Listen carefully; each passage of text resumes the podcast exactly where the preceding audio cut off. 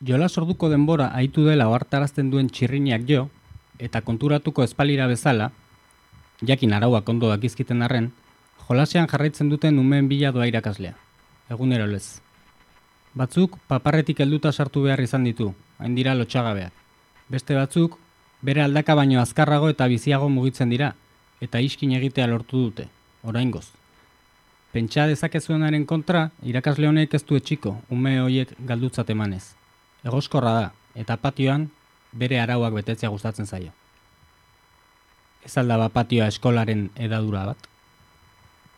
Hogeita bat garren mendea, pozarren hasi bagenuen ere, esperantzarako ate bat irikitzen zelakoan, hogeita bat garren mendeko sozialismoa deitu zitzaion mugimendu latinoamerikararekin, beste bain ere jodu txirrinak gure etxipenerako, eta jolasa maitu dela esan digu gazabak. Edo jolasaren arauak berari dagozkiola, behin behin. Morro doktrinari jarraiki, Amerika Amerikarrentzat, estatu batuek euren atzeko patioan esku hartze galantak egin dituzte azken hamarkadan. Zelaia Honduraseko presidentetik Evo Morales arte. Bitartean, gustoko zituzten presidenteak de facto ezarriz, edo autoizendapen antidemokratikoen bidez, oraintsu bezala. Venezuelan egindako saiakerek, oraindik ez duten nahi ainako fruturik eman, egoskorra da ordea gure irakaslea. Are egoskorrago, mundu mailako petroleo erreserba handienak dituen herrialdearekin. Jubilazioa noiz hartuko ote duen itxaroten gaude. Beste patio batekin amesten dugunok. Ordezkatzen duena okerragoa izango ez delako esperantza xume bezain txatxuan. Hemen hasten da gaur egur. Guten Tag, meine Damen und Herren. Auf entering the United States. C'est la lutte contre le terrorisme. Katea ez eten. Agirre, garaikoetxea, leizaola. Gaur egur. Gaur egur. Gaur egur. Jolasten eta enredando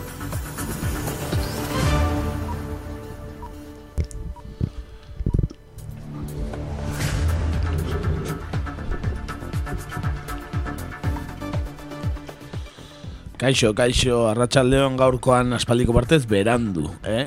Berandu, eh? Barkatu entzuleok, gaurkoan berandu xamar, baina, bueno, arazo tekniko, fisiko, teknologiko danetik izan du. Hori da, bai, noiz hemen gertatzen da, eta, bueno, espero dugu zuen barkamena izatea. Bai, hori da, e, editorial bikaina utzi dugu lau hankatako batek, gaur falta zaigun hankak, ez da? Ez da etorriko irratxa joan zehar, e, besarka handi bat berari, Hoixe. Izan ere herri altxatzen egongo, orain bertan, ez da? Eta non izenean, beraz, ba, animoak berari eta bere lankide guztiei. Hori da, eh, bere partetik, ba, bueno, eh, egurra partitzen saiatuko gara. Bai, hori da. Ba, besterik gabe, zer, ba, sartu egingo gara kontura, ez da? Eh? Aurrera. Goazen, ba, bertan gaur atalarekin. Bertan gaur.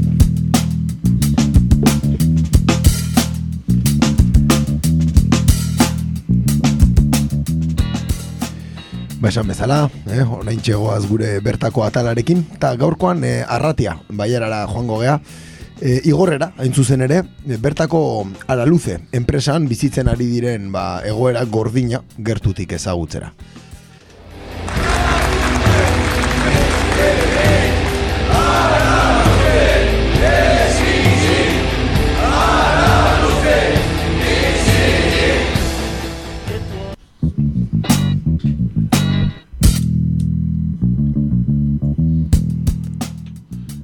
Igorreko araluze enpresaren itxiera patronala azaroaren zortziko goizaldeko ordu batak inguruan gertatu zen. Aurreko arratsaldean ia bost orduz, enpresa batzaurdearekin negoziatzen aritu ondoren, bertan zeuden langileak kanporatu zituzten eta ertzainekin tentsioenak izan dira geroztik. Egun da berrogeita lau lagun gelditu dira lanik gabe.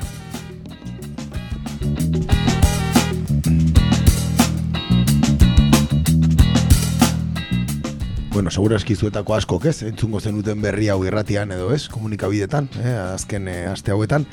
Bueno, lehenengo galdera nik uste ez denok egiten duguna dela baita da, zer keraman du enpresa egoera honetara, eh, zer gertatu da? Bai, bueno, goazena azaroaren zazpiko ostegunera orain bi astera, ez? Eta arratsalde hortan, bost orduz bilduta egon ziren langileak sindikatuak eta enpresako arduraunak, baina ez ziren agostasun batera iritsi. Esan, e, Araluze enpresa Mondragon taldeko batz kooperatibak erosi zuela 2006an, e, ba, eta igorren automoziorako ba, larru gintzan, ez? Larru gintzan aritzen den planta da, eta hainbat murrizketa negoziatu ondoren, 2008 arteko hitzarmenat sinatuta zeukan langileekin.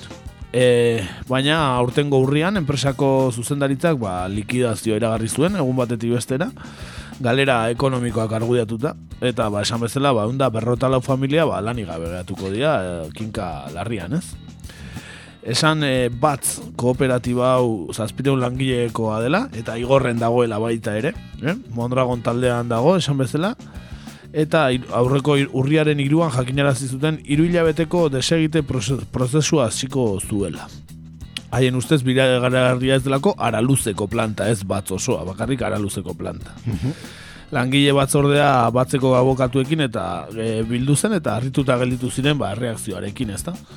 Esan zuten ez zutela horrelakorik espero eta gainera formekin oso harrituta geratu ziren, e, batzartu eta bost ordura, batzarra bukatu eta bost ordura, berrogei ertzain e, bidali zituztelako. Oso diplomatikoa dena, ez? Bai, eta orain e, ba, esaten dute ezin dutela batzeko zuzendariaretzarekin hitzik ere egin eta harreman guztia likidazio aramaten abokatu behain izan karroñero batzuek daramate dena, ezta? Beraz, e, bueno, e, nabarmentzeko, batz kooperatiba hau araluzetik irureun metrora dagola. Eh? Bertan daude, bale, Bertan, bata bestearen bertan, ondoan, igorren. bertan. Eta esan ba aurreko hilean ja ba zientoka lagun atera zirela igorren kalera. E, lantegia existeko existe eskatzez, eskatzeko, ezta? Eta langileek a, ba, egotzi diote batzi amor, amarrua egitea, ez? Ara luze lantegia 2016an erosi zuela, baina ez batz e, kooperatiban integratzeko planta modura, baizik eta kompetentzia desegiteko bezala, ezta?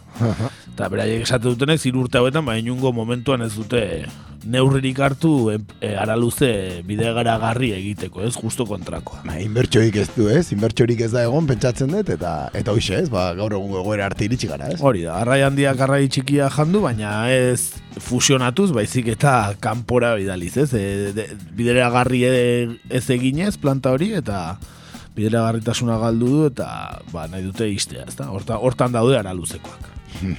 bueno, praktika benetan, ez? E, oso susmagarria, ez? Batzen Bai, bai. aldetik eta... Kooperatibat izan da gainera, ez da?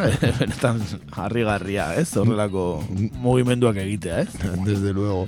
Bueno, komentatu dugu, ez? Eh, Nola, ez? Ba, bueno, e, likidaziorako edo, ez? Nola langileak aurkitu zituzten ertzainak eh, plantan bertan. Bueno, zer gertatu zen e, azaroaren zazpitik sortzirako gau hortan? Bueno, ba, kuriosoa, gaueko erreleboan bos langile ez zeuden araluzen, Bai. e, zazpitik zortzirako gau hortan, eta gaueko ordu batetan enpresako arduradunek eta segurtasun guardia batzuk iritsi ziren, e, arduradunak eta segurtasun guardiak, eta ertzaintzarekin batera. Eta enpresa azkanpoko langile talde batekin, ez? Esan dezagun, langile talde bat, hor, e, lantegia itxi ziren, e, hor, e, ka- enkaputxauta, o langileak e, aurpegia batuta, Bai. Eta esan zieten, e, araluzen zeuden, e, gaueko turban zeuden langile, jada ez zirela la, e, lantegi hortako parte, eta alde egiteko esan zieten. Hor- Hori hori ertzaintza komunikatu Bai, bai, bai. Bueno, bueno. Eta ertzaina, ertzaintza fabrika etxi zuen. Vale. Eta bertan geratu ziren, e, ertzainak, ba, sarrera zaintzen gainera, ez? Eta enpresa azkanpoko langileak, ba, lantegiaren barruan geratu ziren, eta tentsio handiko ba, uneak bizi izan ziren, e, ba, araluzeko benetako langileen artean eta ertzaintzaren artean, ezta? E, eta ertzainak ba, kargatu egin zuen behin baino begiotan langile horiek urrun aratzeko, urru, urrutiratzeko, ezta? Bai, bai. E, goizeko amarterdia ginguruan, enpresako zuzendaritzarekin eta ertzaintzaren hainbat e, e, ertzaintzarekin hainbat eztabaida izan ondoren, langileek eta sindikatuek e, sindikatuei eta langilei ordez, o, bo, bertako ordezkariei baimena eman zieten fabrikara sartzeko. Eta orduan konturatu ziren e, beste e, aurpegia tapatuta zeuzkaten, zeukaten langile hoiek e, barruan zeudela eta preste ukatela ja materiala enpresatik kanpo ateratzeko. Bai, ba, makina batzuk onda, ondatu intzituzten, eta beste, bueno, ba, egin da zeuden pieza batzuk atera, eta, bueno, bestelako, ba, herramientak eta ere ateratzeko ba preste euskatela, ez? Ba, Eh, Empaketatzera juntzi, Bai, bai, ez? Hola, ba, itxi mudanza eta- bat egiteko moduan. Itxi eta, ja, ba, aprobetxagarra ezena, aprobetxatzera, ez? Ikusi behar dana. Bai, bai, bai. Eta sindikatuko ordezkari be- galdat, azaldu izan dutenez, ba, hori e, legezkanpokoa da, gainera, ezin da egin. Eta erabat irregularra dela ere esaten dute. E, azkenean, ba, alde guztiek adostu zuten ertzaintza erretiratu ingo zela, eta kanpotik etorritako langileak ere joan egingo zirela. Eta horrela, eguerdiko amabiak eta laurdenetan, goizeko ordu batetan hasi zan kontua. Gau luzea. Bai, bai, Bai. bai. Eguerdiko amabiak eta horretan, ba, enpresaz kanpoko langileak e, la, lantegitik irten ziren ertzaintzak eskoltatuta. Entzun dezagun momentu hortako audioa.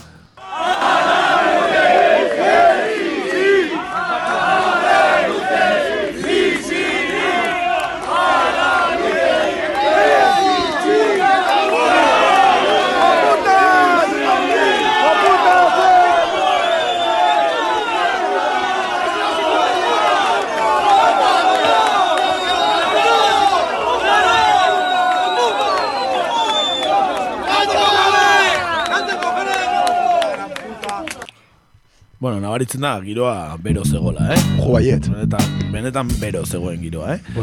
E, pixka baretu zen kontu honekin, eh, langileak eta joan zirenez. Eta ba, ertzain gutxi batzuk geratu ziren, hor, vigilantzia modu batera, baino, baino sarrera oztopatu gabe esan dezagun, ez? Fabrikaren atarian.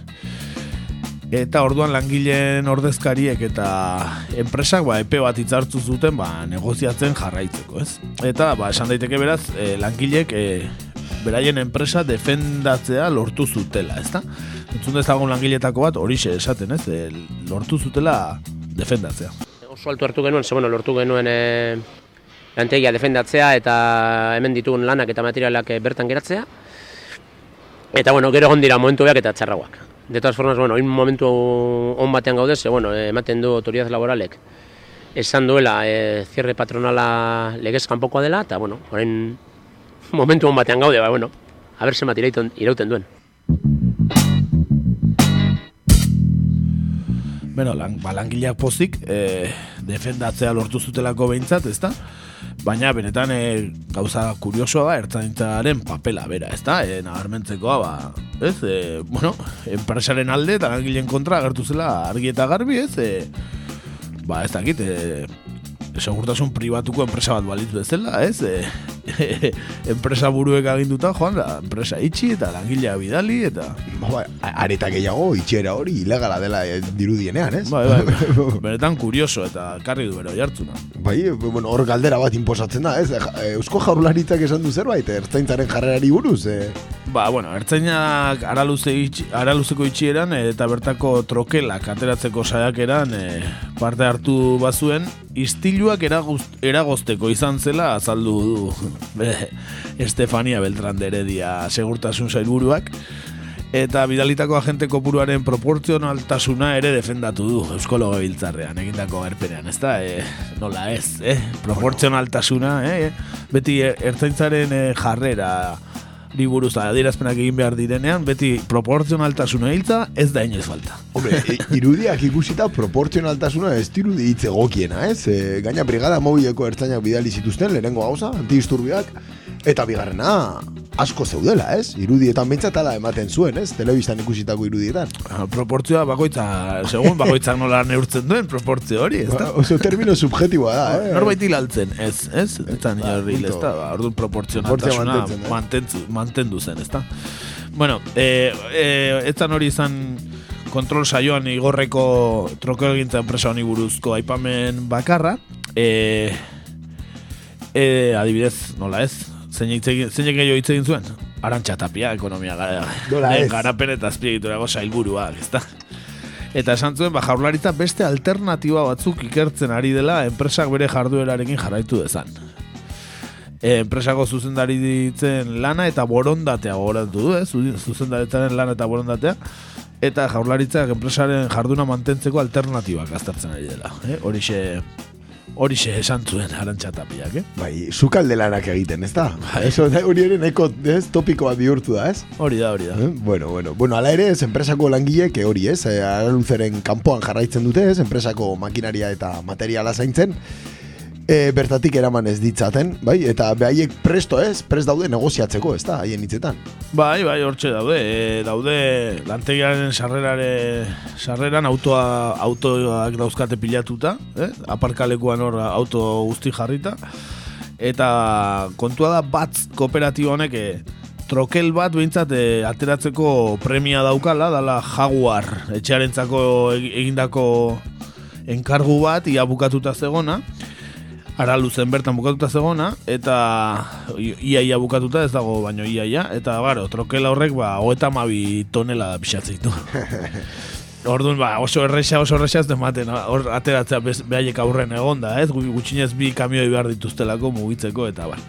Beraz, e, langileak ez badira kentzen, ba, bentsa, zaila izango du trokel hori ateratzea batz kooperatibak, ezta? Bai, dirudi proportzionaltasuna ez baute berriro erabiltzen, ez da, ez da da. Hala ere, nabarmendu, bueno, igorren kristonen e, e, kalapita sortu du honek, zati, klaro, pf, ba- batzen daude langile batzuk eta ara luzen beste batzuk igualdia familiako, kuadrilla berdineko, bizilagunak, eta, klaro, kriston gatazka sortu eta, bueno, e, ara luzetik, ba, bai esan nahi dutela, behaiek ez daukatela ezer batzeko langileen kontra, ezta? E, da jukatena da, bueno, zatik, arratia bailara oso zabaldu da, eldur hori, ez, abertze gertatukoan, eta eta hori, ba, ara luzekin gertatzen denak, ba, batzeko kooperatiban gertatuko denen etorkizuna ere baldintza datu dezak, ez? Eta langile horien e, ba, ba, la, lanbidea ere, ba, nolako izango da gerora, ez? Hau egiteko pres baldin badaude zuzendaritzako kideak, ez da? Hobe, presente txarra ezartzen du. Hori da. Eta ba, entzun dezagun hori buruz, horri buruz ara luzeko langilea bera, ezta? Gure lantegia defendatu behar dugu. Nik nire lanpostua defendatu behar dut, eta eta herrian naiz eta asuntoa lupestu egin den e, oso argi izan behar dugu. Osea, luzeko langileen partetik ez daukagu inongo arazorik e, batzeko langile langileekiko. Gure arazoa da batzeko zuzendaritzak nola kudiatu nahi izan duen e, asunto hau. Osea, nik oso oso argi utzi nahi dut hori. E, batzeko langileen euneko laro eta emeretzia esatearen, e, langileak dira, nire moduko langileak dira, eta nik ez diete ezertzarrik e, desiatu nahi. Baina beraiek ere ikusi beharko dute e, gauzak ez dira horrela egiten. Gauzak ez dira horrela egiten. Hau ezin da izan e, momentu batetik bestera e, etorri zitzaigun batzeko zuzendaritza eta zu. Hau, itzi beharra dago bai edo bai, eta guiaz batzeko zuzendaritzak esan zigun ez direla gurekin kontaktuan jarriko, bi likidadore, bi abokatu karroñero jarri zituzten e, asuntoak kudeatzeko eta nik uste dut arazoaren parte handi bat hortik datorrela. Gauzak denon partetik e, lasaiago hartu izango banitu, bagenitu, ba, seguramente beste pelikula bat izango zen.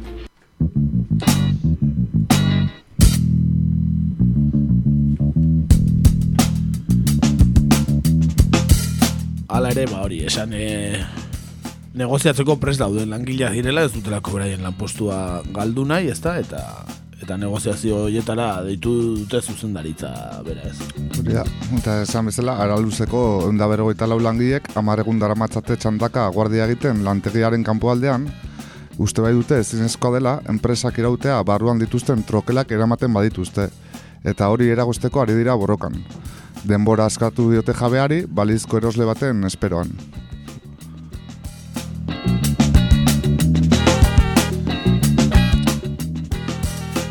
Bueno, gauza korrela, ez? E, interesantea litzake jakitea nola bizi duten, ez? Hor enpresa kanpoan e, egotea, ez da? Bai, ba hori, aipatu duguna, hor amarregun dara matzate eta famili guztia ba, ba hori, familien arteko giroa, bueno, e, arratia bailanan era giroa gaiztotuta dago, eta esan bezala, eske enpresa giruro metrora daude, eh? beraz, claro, e, batzera doazen langileak ere, egun, araluzekoak hor kanpoan ikusten dituzte egunero.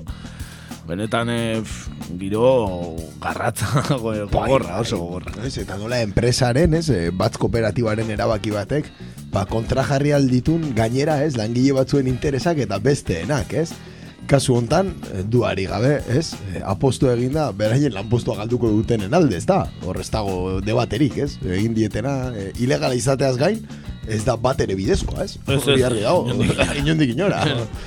Inondik inora, ilegala, eta gaina hori, egun batetik bestera, ba, bidali egin dituzte. Benetan, ba, hor, hor jarraitzen dute, eta, bueno, mintzat, arratia bailarako erakunde batzuk e, azaldu dute beraien aldeko babesa, eta eta hor, hor jarraitzen dute. Komunikabideetan, bueno, ez da gehiegi, gehiegi agertu, e, guk informazio gehiena berria egunkaritik eta argiatik eta dugu, baina, bueno, ez dute Nik telebistan ez dut gehiagik ikusi, ez. Ez, lehenengo egunean egontzan hor pixkat buma, ez? Bueno, buma, esan TTB-ko teleberri bietan agertu zala berria, baina hortik aurrera ez da kobertura undirik egon, ez? Gatazka honen inguruan. e, bueno, soluzioen inguruan, ez? Negoziak eta zitzein dugu. E, soluzioen inguruan, inbertsore berri bat adibidez, e, soluzio bat izango litzateke edo hori ere ez da kontemplatzen? Bai, ala, dirudi, be, beraiek hori hori nahi dute, ezta? Esperantza daukatena da inversore bat agertzea, ezta? E, entzun dezagun beraietako bat. Ba, gure esperantza bakarra da ba, batan bat agartutea, e, baten batek enpresa erostea eta horretan gabiz, ba, denporan bile eta ia baten bat agartan dan eta oneri buelta emotu atxegun.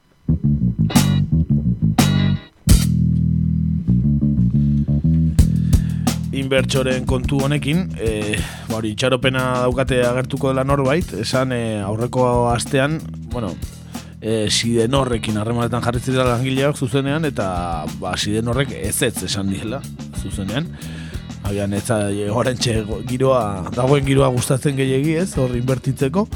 eta, bueno, beraiek bai esate dutena da, ba, jaro, egun batetik bestera ez, ez dutela inbertsore bat lortu, ez, horrek epe bat dara mala, negoziak eta bat, eta, ez, e, eta ez dala hori, hola, hilabete baten lortzen, ez da, epe bat behar dura. Bai, ez da gauza makala, inbertsore bat lortzen. E, esan, e, batzek eren egun egintzula azkeneko eskaintza, langileentzako eskaintza, e, e-mailez, posta elektronikoz, zuzenean egin zuen eskaintza, beretan, eta epe motzera ba, desegiteko, ez da? Iru hilabete atzeratzea atzeratzeko presta gertu ziren, e, desegitea, eta beti ere trokelak ateratzen uzten badute.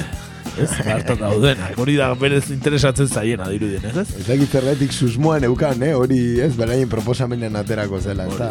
Eta batzek esan du baita ere, bai, inbertsio gileren bat agertuko balitz, e, ba, baldintza jakin batzuetan negoziatuko lukeela, esan. Bueno, batzordeko gide gaztertu egingo dutela esan dute eta eta hori orain arte esan dezakeguna, ez? Benetan, e, bueno, nahiko gai iluna, ez da? beste behin ere, eh? Ba, bai, oso iluna, bai fondoan eta bai formatan, ez da?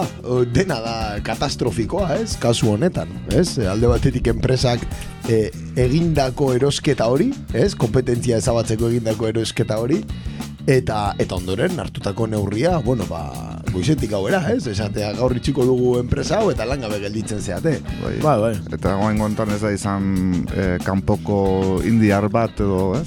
Kanpoko... Bai, bai, ez ez, Mondragon korporazioan dagoen kooperatiba bat, igorreko kooperatiba, jaiotze zere igorrekoa den bat kooperatiba, eh? Bere, bueno, auzoki den enpresa horrela, horrela jaten, ez da? Bai horrere da, ez mai gainan jartzen duela berriro, ba, kooperatiba, balizko kooperatiba hoien funtzionamendua, ez? Zertan bihurtu diren, eta nola funtzionatzen duten gaur egun, ez? Horrelako praktikak, ez? Onartzen dituen konglomeratu bat ezin da kooperatiba deitu, ez? Nik uste, behintzat, ez? Horrez da, nahiko batez ere batzen aldetik, ez? Zer maniobra da hau, ez? Bai, Ariz Mendiarrietak zeo zer esango zuen honeta, zela? Agian, moendik eh, buru altxako du, ez da Ariz Mendiarreta apaisak, ez da? Ja, creo. Bai, ba, ez, egia san, ez dakit, eh, ez dirudi kooperatibaen eginkizun bakarra ira, irabaziak edukitzea denik, ez? Ez dakit.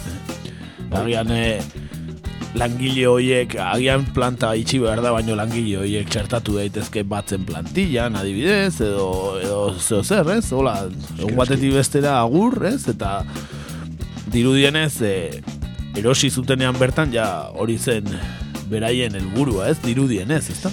Inderetzat gakoa hor dago, ez? Zeintzen helburu eta zeintzuk ziren hasierako asmoak, ez? Eta hor, asmoiek justifikatzen dute gertatutako guztia, ez? Bai, adibidez, e, goratuko egudano fagor elektrodomestikos, ez? Bueno, ba, urtetan zeharretzen bidera garri eta okerrago edo beto, ba, persiana itxi zuten, eta, bueno, katazka guztia horrekin, baina hau ja, ara, arazoa bera, azten da kooperatibak planta hori erosten duenen.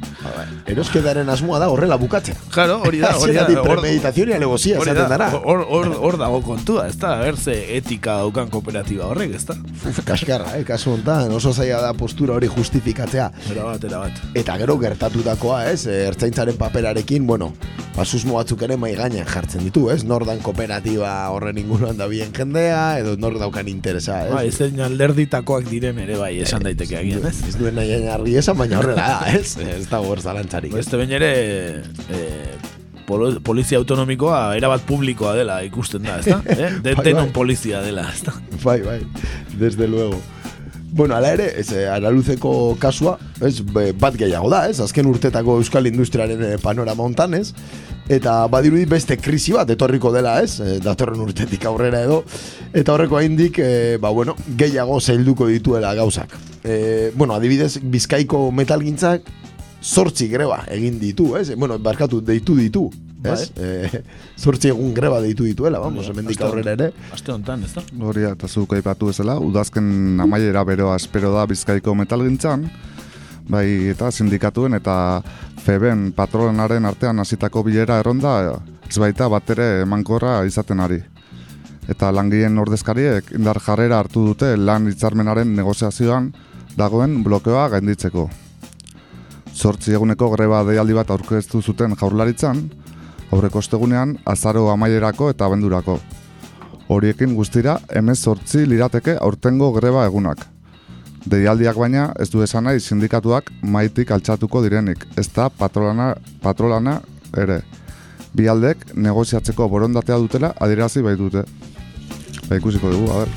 Bai, bai, hor berriro udazken beroa torrela dirudi ez da, e, ba, metalgintzan, bizkaiko metalgintzan, lehen, urtean ero ere ontzidan, huelgan, ez? E, Bai, esango bai. nuke, ez, aurten, aurten bertan, Aurten, aurten, bertan, uste. eh, pasaren hilabetean, Bai, ja, greba egin zuten hamar egunez, eta, eta bueno, badirudi ez da hor gelditzen asuntoa, ez? Ez, ez, bado aurrera, eta goratu ba, la navalena ere hor egontzen lehen urtean, eta ba, ja, itxi dute, oiztear dago, ez? Ez da jo asko falta, ez? Bai, ezan bideratu egoera, ez? Nik dakian ez ere, ez orduan, bueno, ba. Ba, bueno, Bizkaiako industria ere ba, ez da oso garai honean iritsiko balizko krisi berri horretara, ez da? Ez da gutxiago ere, badirudi krisiaren aurretik badagoela nor, ez? Bere, bere benefizioak edo bere inbertsioak ja eskuan eukin nahi dituen, Bai, ez? bai, ka- Katastrofe kaxa, kaxa behar du, ez da, bazpare, ez? Hoxe bera, ez? Bueno, gainera, ez, eh, egoera, pues, larria ikusten da, ez? Ta, ta honi gainera lan baldintzen prekarietatua, eh, prekarietatea barkatu gehitu behar zaio. Eh, azken aste hontan ere, de hecho, beste, beste langile bat hilda. Bai, alaxe da, langile bat hiltzen aurreko ostiralean, abantoko enpresa batean, e, metalezko abe batzuk, eh, zu- zutabe batzuk, e, gainera erori zitzaizkionean, e, Eusko Jaurlaritzako segurtasun saila jakinarazi zuen ez, ezta? Hildakoak hogeita mazazpi urte zituen eta getxokoa zen. E, ez beharra goizeko amarrak aldera gertatu zen, Serkrisa enpresa, enpresan, San Lorenzo auzoan, e, Abanton esan bezala eta txatarraren salerosketan aritzen zen enpresa bat da, aritzen den enpresa bat da, Serkrisa. Eta hori, langilea ba, hori, garabi batekin zebinen lanean eta gainera eriztaizkion metalezko ba, zutabe batzuk edo, bueno, e, pieza handi batzuk ez da. Ba, bat gehiago, eta urten berrogeita bat pertsona hil dira ja da lan istripuetan, eh? Euskal Herrian. E, ego Euskal Herrian. Ego Euskal Herrian, hortxe datua, ez? Berrogeita bat pertsona ego Euskal Herrian. Eta, bueno, bi baino gehiagotan komentatu izan dugu hemen, baina hor- hortxe, seguraski panoramako zifra invisiblenak, ez? Bai, Bai, hartzun bai. gutxe ukitzen dutenak, Bai, bai, bat ere ez, bat ere ez, eta, bueno, e, erabat e, isla direnak, e, ba, prekarietatea eta lan baldintza ez duinenak, ez da? Benetan, berrogeita bat pertsona, ez da? E, atzo bertan, e, atera ziren kanpaina e, kale istri, ui, errepideko istripuetan hildakoak eta, eta ustez berrogeita piko zirela urten, eta, bueno, esate zuen sailburuak, ba, galtzen den bizi bakoitza errepidean dela e, e, sistemaren arazo bat, ez, edo errore bat, eta abar, eta abar, eta, bueno, era bat, jendea kontzientziatu behar dela errepidean, noski, ados gaude. ordu dik ez dago. baina eh, honi buruz ez dute horrelako kontzientziazio kanpainarik egiten ez, edo aurpegi zuriketarik. Ez, oso jartzun txiki eukitze dute ez, berri hauek batez ere gelditzen dira ez, sindikatuek edo ez, antolatzen dituzten konzentrazio edo mobilizazio horietan, eta hortik aurrera e, debate politikoan adibidez, oso gutxi ateratzen dan gai bat da ez, eta ekiten bali megu, ez, ba, emerotekatik ez, tiratzen bali megu, bi milatikona adibidez hildakoa, bueno, Bai, bai. Ez, eh, vamos, mi, mila edo incluso eh, milaka esan dezakegu, ez? Pentsatzen bi milatik gora edo ibiliko diela, gutxi gora bera. Terrorismo tzat, jo dezakegu ez, ia, ia, ez da? Hoxe, ez, hor badago, bueno, ma falta bat, ez? Bai alor politikoan eta bai alor instituzionalean duari gabe, ez? Bai, bai, era bat, era bat. Bueno, e, nahiko haitzein dugu, nik uste, e, elkartasun osoa adirazio harko diegu araluzeko langilei noski, eh, igorren, arratia baiaran, eta ba, jarra, ez e, jarraituko dugu, ez, gertuti jarraituko dugu beraien egoera. Bai, bai, bai, zer, esanik eza emango du, ez, urrango asteetan ere, beraz gainean izango gara eta agian berriro helduko diogu kontu honi. Vale, ba, besterik ez ba, nazioartera salto egingo dugu, hori ere bero bai dator, ez da? Eh? Hor ere egurra partitzen. Bero, bero.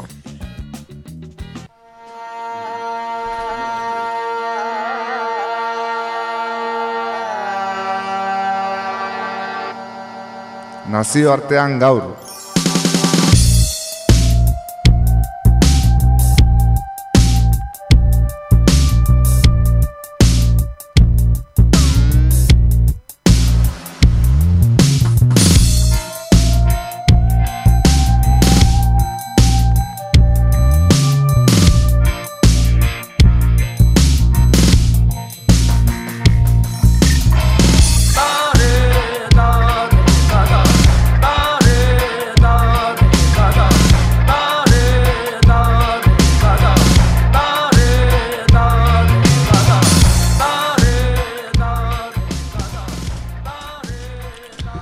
Gaurkoan nazioartean beste behin ere Ego Amerikara hurbildu beharrean gaude, zeren pasaden astean estatu golpea izan baitzen Evo Morales presidentearen aurka. Ego Amerikak azken urteetan bizi duen tentsio eta krispazio egoeran urrats bat gehiago suposatzen du Bolivian gertatutakoak.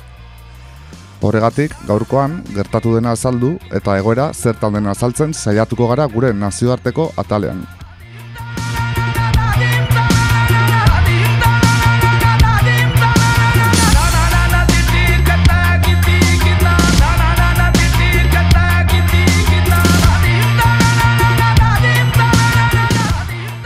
E, joan den urriaren hogeian egin zituzten presidente etzarako hauteskundeak Bolivian.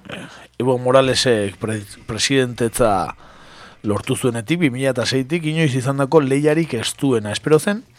Eta emaitza ofizialen arabera, ba, Moralesek bigarren itzulirik gabe lehen bizikoan irabazteko behar adinako aldea aterazion Carlos Mesa oposizioko liderari. Amar puntu baino gehiago, alegia e, oposizioak iruzurra salatu eta ez zuen emaitza onartu, ezta? E, Amerikako estatuen erakundeak azaroren amarrean jakinarazi zuen bosten prozesuari buruz egin duen ikerketaren emaitza eta ondorio estatu zuen sistema informatikoaren manipulazio argia egintzela boto kontaketan. Presidenteako emaitza onartu eta Amerikako estatuen erakundearen e, gomendioari jarraiki egun berean ez zuen berriz eginen e, berriz, esan zuen berriz egingo zituztela e, hauteskundeak. Oposizioa kontza jo zuen baina etzen konforme geratu. Exigitu zuen Morales eta Álvaro García Linera presidentea ordea ez zitezela aurkeztu. Eta armadak berriz bere dimisioa eskatu zuen hor batean. Moralesek ez ezik Linaresek ere kargua utzi zuten jakingo duzuen moduan renunciar a mi cargo de presidencia. ¿Por qué decidí esta renuncia? Para que Mesa y Camacho no sigan persiguiendo a mis hermanos, dirigentes sindicales, para que Mesa y Camacho no sigan quemando las casas del gobernador de, del MAS en Oruro, Chuquisaca, de asambleístas, de concejales, para que Mesa y Camacho no sigan secuestrando, maltratando a los familiares de nuestros dirigentes sindicales, como en Potosí, del hermano Teodoro Mamani. Bueno, e, azken asteetan izan diren proteste bortitzen ondorio, zerabaki zuen atzera egitea Moralesek, horrentzun dugu nola esan zuen e, uko egite ziola presidentzari ez. E, Moralesek azaren amarrean prentxaurreko batean esan zuen e, hori, hauteskunde berriak egin, eginda Boliviako herriak demokratikoki aukeratuko zituela agintari berriak, eragile politiko berriek parte hartuta. Hauteskunde auzitegi gorena arduratzen da bo, bozen antolaketaz eta prozesu oso osoaz eta presidentea jakinera zuen organo horren ordezkari guztiak aldatuko zituela. Urrengo egunerako, herrialdearen erdigunean eskutatua zegoen Evo Morales, Álvaro García Linera presidente orde oiarekin batera, eta igandean dimisio eman eta gero salatu zen polizia bera, ba, bera atxilotzen saiatu zela, ezta? E, ala horren nahian zebilela ofizial batek publikoki aderazi du ni ilegalki atxilotzeko agindua deoela esan zuen orduan, ezta? Juri Calderón, polizia komandante nazionalen arabera ordea, ez zegoen atxilotzeko agindu hori. Nolaia nahi ere, Andres Manuel López Obrador, Mexikoko presidenteak asiloa eskaini zion Moralesi, pasaren astelenean eta presidente hoiak onartu egin zuen eskaintza.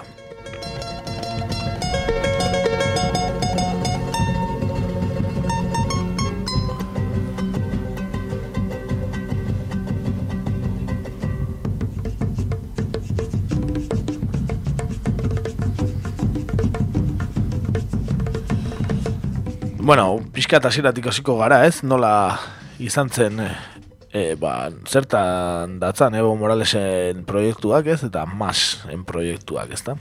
Hori da, bai, hor, hor dago gertatutako guztiaren erroa, pentsatuko dezuten moduan. E, mas, bai, e, movimiento al socialismo, bai, deituriko mugimendu hau, Laro gaita garren e, amarkadan sortu zen, eta sustrai nekazariak zitun. Bai, indigenak baino gehiago nekazariak zirela esan dezakegu, ze hor ez daude bakarrik indigenak, ez? E, etnia gehiago daude barruan. Eta, e, bueno, ba, irietan izan duten e, sostengua edo, ba, ez da sekula e, nekazal ere muetan izan duten izan. Bai, hau da, batez ere nekazal alderdi bat izan dela. Hm? Dena den, bere maitza ekonomikoak e, oso onak izan dira, bai, beraien gestioaren bitartean, eta ba, maitzak ere, ba, indarra eman diete. Eh? E, populazioaren babes handia jaso dute, eh? hauteskunde askotan zehar. E, Boliviak bizi zuen krisiari lidergo indigenatik e, ateratzeko apostua egin zuen mas horrek 2000 eta bostean, eta boterea iristean, 2006an, e, aldaketa prozesua deitu zioten, ez? Ba, prozesu bate abian jarri zuten, E, hainbat, e, ba bueno, hainbat irizpidekin, e, alde batetik etnien arteko berdintasun politikak martxan jartzea, e, Bolivia oso atzeratuta zegoelako zentzu horretan, baita e, mugimendu sozial ezberdinen artean karguak banatuz. Bai, hau da, mugimendu sozialetako kideak, ba, gobernuan eta estatuko estrukturatan txertatu zituen, e, Masek eta Evo Moralesek. Hmm? E, ordura arte, boterean izandako, ba, bueno, klase ertain eta altukoak ordezkatu egin zituzten, eta e, bueno, ez zuten, ba, bueno, eh, hor denbora guzti horretan, beraien aurretik egon zen, ba, bueno, e, unibertsitate, ez, high class unibertsitate horietako jende hartu, bai, e, erresponsabilitate postu horietan jartzeko, bai. Beste jende mota bat fitxatu zuten, esan bezala, ba, bueno, ez, nekazariak edo, ba, bueno, eragile sozialetatik ateratakoa, bai, beraz aldaketa importante bat izan zen Boliviako historian. E, aldaketa prozesuak e, kapazitatuenen aurrean, ba, Bolivia herrikoia jarri zuela esan dezake goiz izan zan pixkat hasierako ekuazio hori, bai? Eta horrek pentsatuko ez zuen moduan, bai ba, eliteen eta Bolivian blankoideak deitzen diren eh, hoien aserrea, ba, bueno, piztu, zuen, piztu zuen eh, hasieratik eta baita ere klase ertainen mespretsua, ez? E, hor, e, ba, bueno, ez zirelako representatua sentitzen, ez? Masen proiektu horretan. Eta esan bezala, ba, hoxe, bai, politika politika jarri zuten aurrean e, teknikoen e, gainetik esate baterako, hasiera batetik behintzat. Hm? Teknokraten gainetik eza? Hori da, bai, hoxe bera. Hm?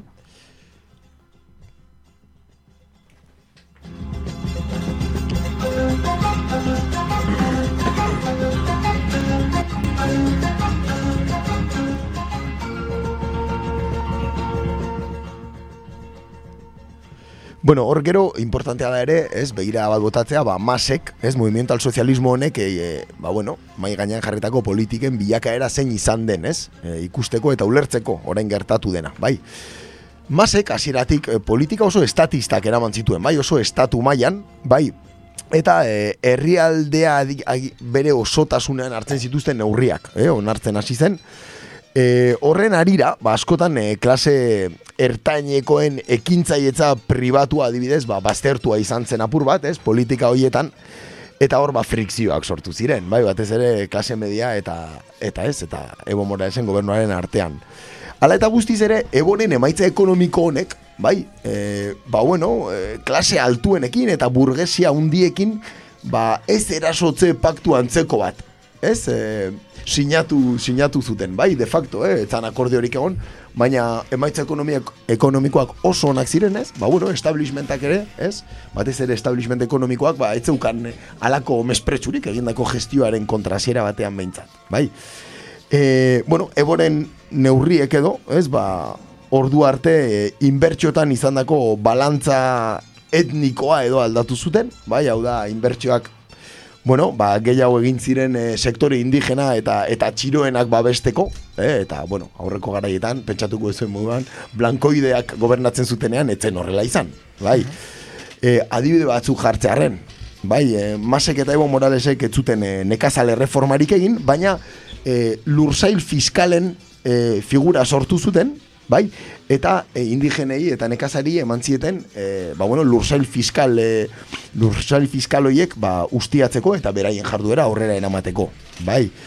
E, gero kapital ekonomikoan banaketa bat ere egin zuten, bai, batez ere txiroenen e, mesedetan, e, hainbait proiektu sozialekin, eh, e, herrialdea alik eta azkarren ba, garapen, garapenean jartzeko, bai. E, baita ere, ba, politika edukatiboan e, indigenen edo mestizoen historia eta kultura ere modu baten txertatu zuten, ez? E, mas arte, 2006aren aurretik, testu liburuetan etzelako ez agertzen indigenen eta mestizoen e, inguruan. Bertako natiboak izan da, ez? Oso adierazgarria da hau, ez? Historia txuriek idazten dute. Hoixe bera, ez? Areta gehiago herrialde indigenetan eta Espainia konkistatu zituen herrialde indigenetan, ez? Bueno, orduan txuri txuriak ere. ez. Hori da, eh? hori da, eh? Esaten da, kafe con leche, eh? Hori da, hori da. en fin. Eh, denaen hor, bai egontzala akats bat, ez? Eta gaur analizia egiteko gaude hemen, eta, bueno, gauza honetaz eta txarretaz ere hitz egin behar da, ez? E, hor, irakaskuntza publikoaren maila adibidez, e, etzan e, nahikoa bultzatu, ez, masen e, alderdian aldetik, eta naiz eta rekonozimendu simboliko hori egontzan, ez, indigenen historiaren e, inguruan, ez, ba, ez zuten inoiz lortu kompetitibidade baten sartzea, eskola publikoa, ba, zurien e, e, unibertsitate high class hoiekin, ez? Bai, e, irakaskuntza oso maila altukoa daukate zuriek, e, Bolivian, pribatuan noski, ez? Eta ez zuten, e, ez zuten lortu eskola publikoak edo unibertsitateak maila horretara e, eramatea, ez? Esate Bueno, baterako. prozesu luze izaten da hori, bai, ez?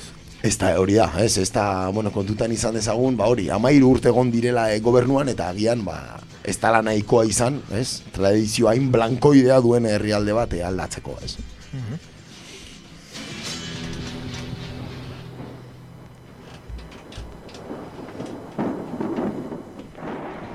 Esan bezala, bueno, ez, aipatu dugu pixkat nundik datorren e, maseren proiektua, ze politika garatu zituen, eta ondorietaz ere hitz egin barran gaude, ez, ulertzeko gaur egun gertatuena.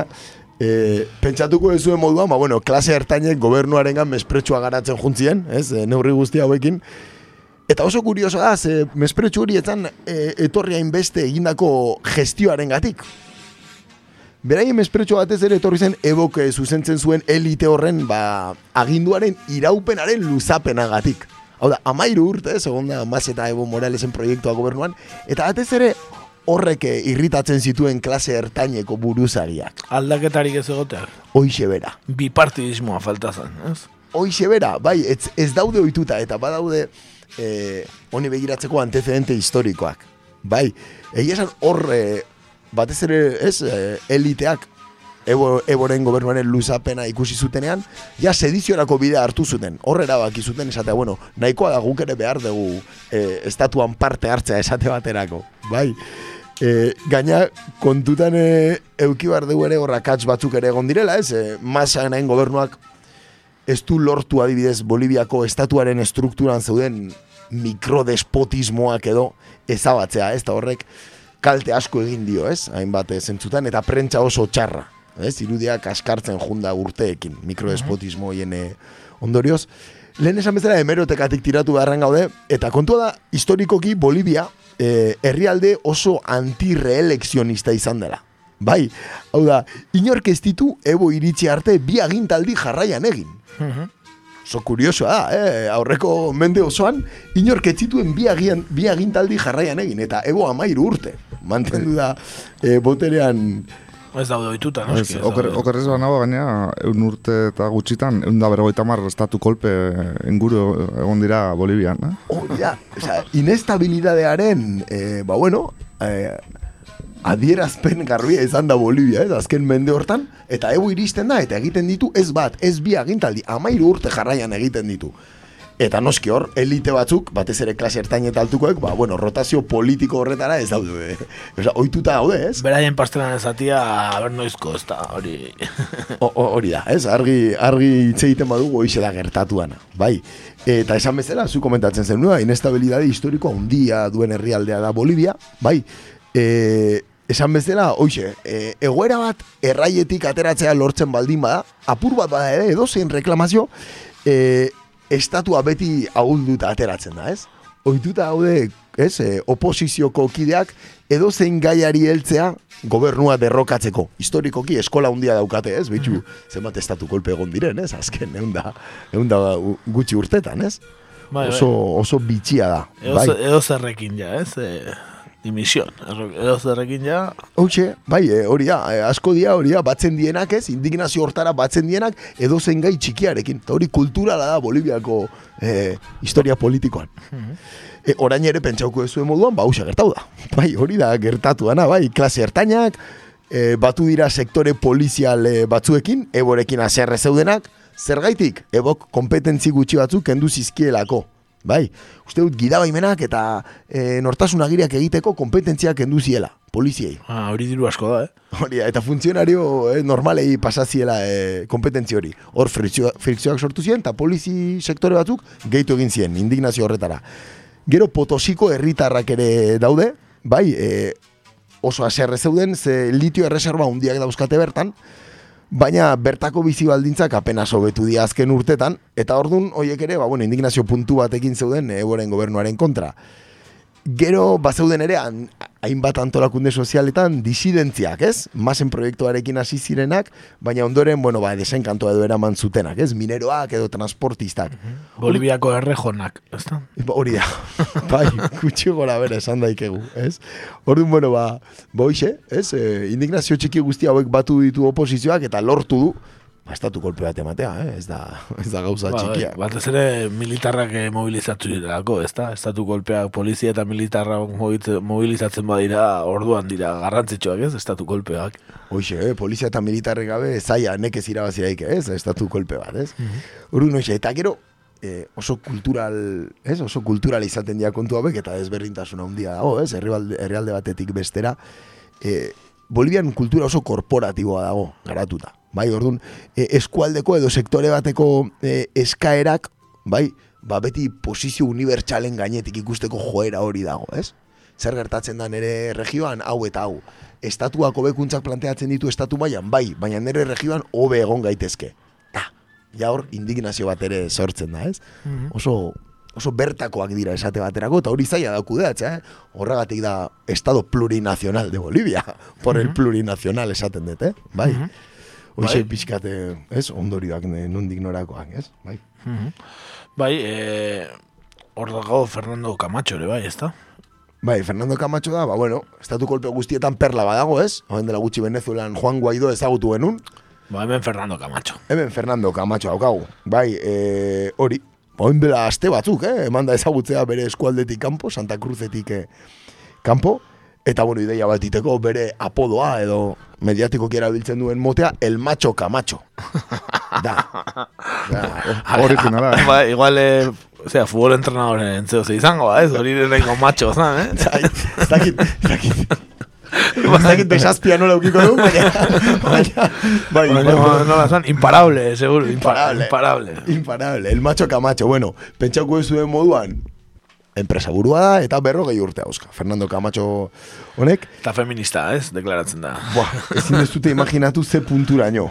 Bai, e, de hecho, oposizioarekin talka asko ditu azken, e, azken urteetan, e, baien jarduera malguegia, zala argudiatuta, eta berak, Biblia, bueno, erderaz esango dut, yo tengo la Biblia y pelotas, esan zuen bere garaian, Pin, pan. eta horrek, babes asko ekarri dizkio, hortxe dago kontu honen arriskutsuena. Bai, Bai, bai, ba, Bibliarekin agertu dira, ez, baina gozea eta dana, ez. eh. Jamin, ba- jamin bainez. Bai, bai. Horrekin agertu dira, oso... Ba, Biblia txarra gaina, eh? Gutxinez bost o sei kilo pixauko zituen, eh? Liburu txarra horrek. Ah, bai, bueno, Bai, Inkizio, inkizizio garaiko irudiak ziruditu, no? Bai, oposizio ultrakatoliko batetaz aria, eh? Kaso honetan estatu kolpea eman dutenek, eh, bueno, komponente ultrakatoliko hori badaukate, ez? Ideia batiteko Fernando Camacho zein denaren inguruan, ez? E, berak, eborentzat dimisio gutun bat redaktatu zuen, ebok sinatu esan, eta lapazera joan zan, oso mediatikoki kubrituta egon zen ekimen batean, bertan eboren ajun eta sinarazteko, bere dimisio gutun propioa. Bueno, total, lapazera iritsi zela, eta bertan mobilizazio ofizialista hundiak zeudela, eta eta etzioten utzi jauregi presidenzialera iristen. Bueno, lasai hartu zuen, eta urrengo egunen, joan zen jauregi presidenzialea, eta aurrean, jangoikoa jauregira bueltatu zedilla, eskatu zuen kamaran aurrean. Bueno, komponente friki xamarra da, ez? E, bere ekimen horrek, ez da inbeste estatu kolpeak, ez? Baina, ideia batiteko norta zaian, ez? E, esan bezala, bueno, eboren kontrako hauen artean, babesak lortu ditu, eh, el macho kamatxonek, eta bertan, desgraziz denetarik dago, badaude eboren eh, etnia berdineko disidenteak, aimara, ez, etniako disidenteak, jende txiroaren inguruko antolakundek ere, e, kokalero batzuk eboren kontrakoak direnak, e, eborekin diferentzia esanguratsuak zituzten e, ba, eskualdetako buruzagiak ere batu ditu bere protestara, eta eta horrela bihurtu da Mas eta Evo Moralesen proiektuaren kontrako matxina honen burua. Eta hanka egin behar izan dute. Hori da, bai, eren komentatu dugu moduan alde egin behar izan zuten.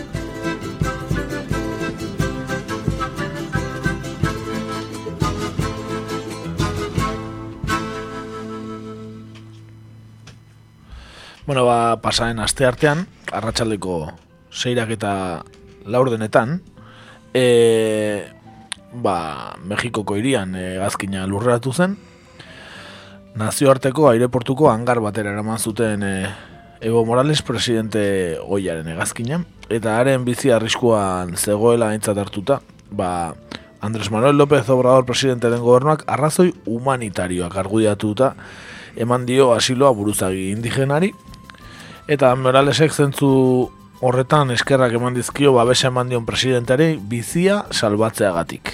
E, eta gainera, e, bidaia ez da bat ere erraza izan, ez da? Ia ama ostordu edo pasa zituen Mexikora, Bai, ez? ez Perun... E, Paraguayen, er, eskala batin Eh, zuten, ez? Bai, baina herrialde batzuk ez ziotela uste beraien... Pe- eh, Peruk eta beste batek eh, eremu, eremua, aire eremua itxi ziren, eta bai, bai. Ez zieten utzi pasatzen, eta bar. Entzun dezagun Marcelo Ebrard. El asilo que se ha ofrecido a Evo Morales ha sido efectivo y bueno, ya está aquí en tierras mexicanas en donde gozará de libertad, seguridad, integridad, protección a su vida, que son las causas que nos animan. Hortxe Marcelo Ebrard, e, Mexikoko atzerri ministroa, eh? esaten zergatikan e, mantzioten asilo e, ba, eskubidea, ez? E, Evo Moralesi eta Evo Morales bera entzun dezagun e, nola eskerrak ematen duen bizia salbatu diotela, esan ez ezta? por el nuevo triunfo en la primera vuelta de las elecciones del 20 de octubre de este año, empezó el golpe de Estado. Lamentablemente, al golpe político cívico se sumó la Policía Nacional. Ba, hori, esan bezala, e, Mexikoko armadako hainbat egazkinekin e, batera, e, ba, ordu, ordu beteko geldialdi egin zuen Paraguayen, esan dugu, ezta? e, ba, bueno, erregaia zornitzeko eta eta e, Brasildik, Perutik eta Ekuadorretik igarotzeko baimenak eskuratzeko, ez? Hasieran ez zituztelako ba, hori, aire eremua zerkatzeko baimenak ez zituztelako. E, San Carlos Mesa oposizioko liderrari azken hogeita bat egunetako protesten lider Luis Fernando Camatxori eta poliziari egotzi ziela berriz ere azken asteburuetan maian emandako kolpea gaua nola igaro zuen erakusten zuen argazki batez lagunduta. Alaber, Moralesek salatu zuen bere bi etxeri eraso dietela eta hainbat telebistakatek zabaldu zituzten arpilatzearen ostean grabatutako etxearen irudiak, ezta? Ez da ikusi dituzuen. Eh? Bai, bai, bai. Nola, esate zuten, mira, mira como vivia Ebo, ez? Eta horre bere etxeko irudia, kumuna, eta sala, eta ematen, ezta? Bai, de hecho, bere etxea, bere arrebarena, eta bere hainbat lengusuen etxeak ere erre dituzte. Ez da bakarrik bere izan. Eta erakutsi, eta Bai, esan. Eta, bueno, esaten zuten izugarrizko lusuan bizi zela eta bar, baina Bueno, ikusi eta- dugu oso presidente bat izateko etxea sumea zela. Etxe, Bai, bai, da. bizi txabola batean, baina, bueno, herrialdeko presidentea zen, eta ez, eh, bueno, etxe polita, polita Baina, zukan, bueno, ez? Baina etzen beste mundu honek nuen ikusi hor, ezakit. Bai, etzen kriston palazioa, eh? Nahiko, nahiko gauza arrunta. Bai, bai, nahiko arrunta, egia esan, bai. E, baina aipatu, bueno, hori, hori zabaldu zuen orain ezagit ministro jarri duten edo, edo bozera maile edo, makume bat zen, enaiz dekoratzen izena, baina abizena gehatu zen e, sartuta Lizarraga, bai zen, eh? Kuriosoa, nola ez? Bai, egia, bai, agertu barra zeon nun baitetik, eh? Bai, hori da. euskaldunen bat, Hori da, oposizioan. Gure diaspora. Hori da, oposizio ultrakatoliko hortan, ba, hortxe zegoen Lizarraga, eh? Lizarraga emakume bat, ikusi nun justo nik. Bueno, e, Mexiko gobernuak adierazi du balitekela asiloaz gain errefusiatu egoera eraitortzea Moralesi, presidente hoiak eskaera egiten badu.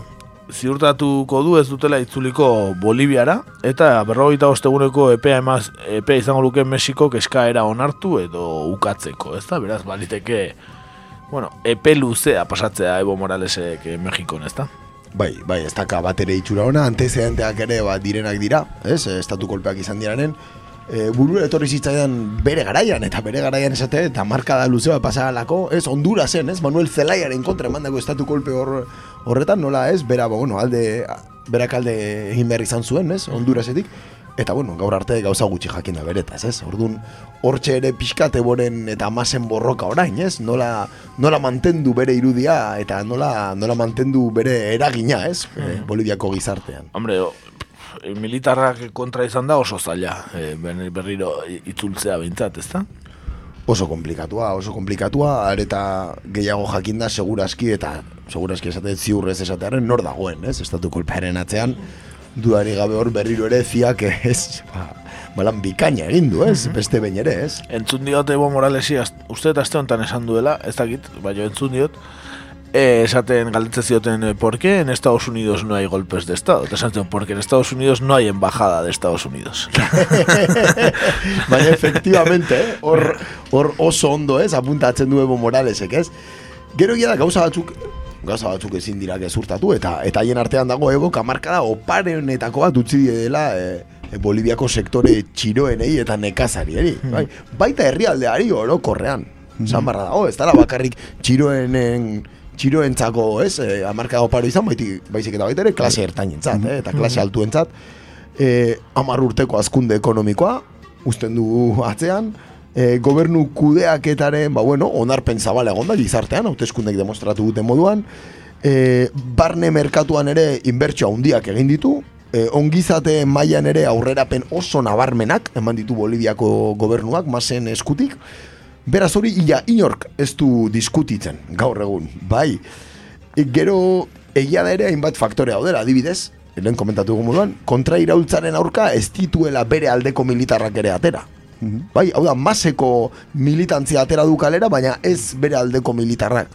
Bai, estatu golpea, osea, barkatu, e, gerra zebia ekiditzea harren, o... Hori ere esan beharra dago, ez, aukere, ez, aukeratako bat zen, eta ez du Militarren parte bat beraien alde, ba- bere alde bai dago, ez da? Zalantzari gabe, gehiago izan da, de hecho, hori, eh, poliziaren ekimena agian, ez, eh, balantza alde Bai. batea jarri duena, militarrena baino, eh, kasu hontan. Bai?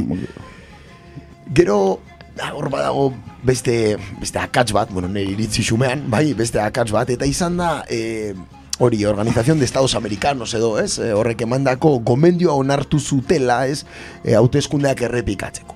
Ez, badirudi nik uste dut hor sistema informatikoan, ez? Oposizioak esaten zuen kristo manipulazio gontzera, eta OEA honek ere berdina esan zuen, ez? Eta, bai, bale, beste hauteskunde batzuk egingo ditugu esan zuen Evo Moralesek, eta nik uste dut horra akats bat egontzala, Hori trampa, bere trampa moduko bat ala. areta gehiago, hau onartu ondoren, oposizioak e, ez zuen onartu. Bai, Ebok- eskatu zuen ebo ez aurkeztea, ez da? Bueno, zergaitik ez zuen onartu gainera, hor zergaitian. Ebok, Organización de Estados Americanosen asambladan, Luis Almagroren aldeko bozka eman zuelako bere garaian.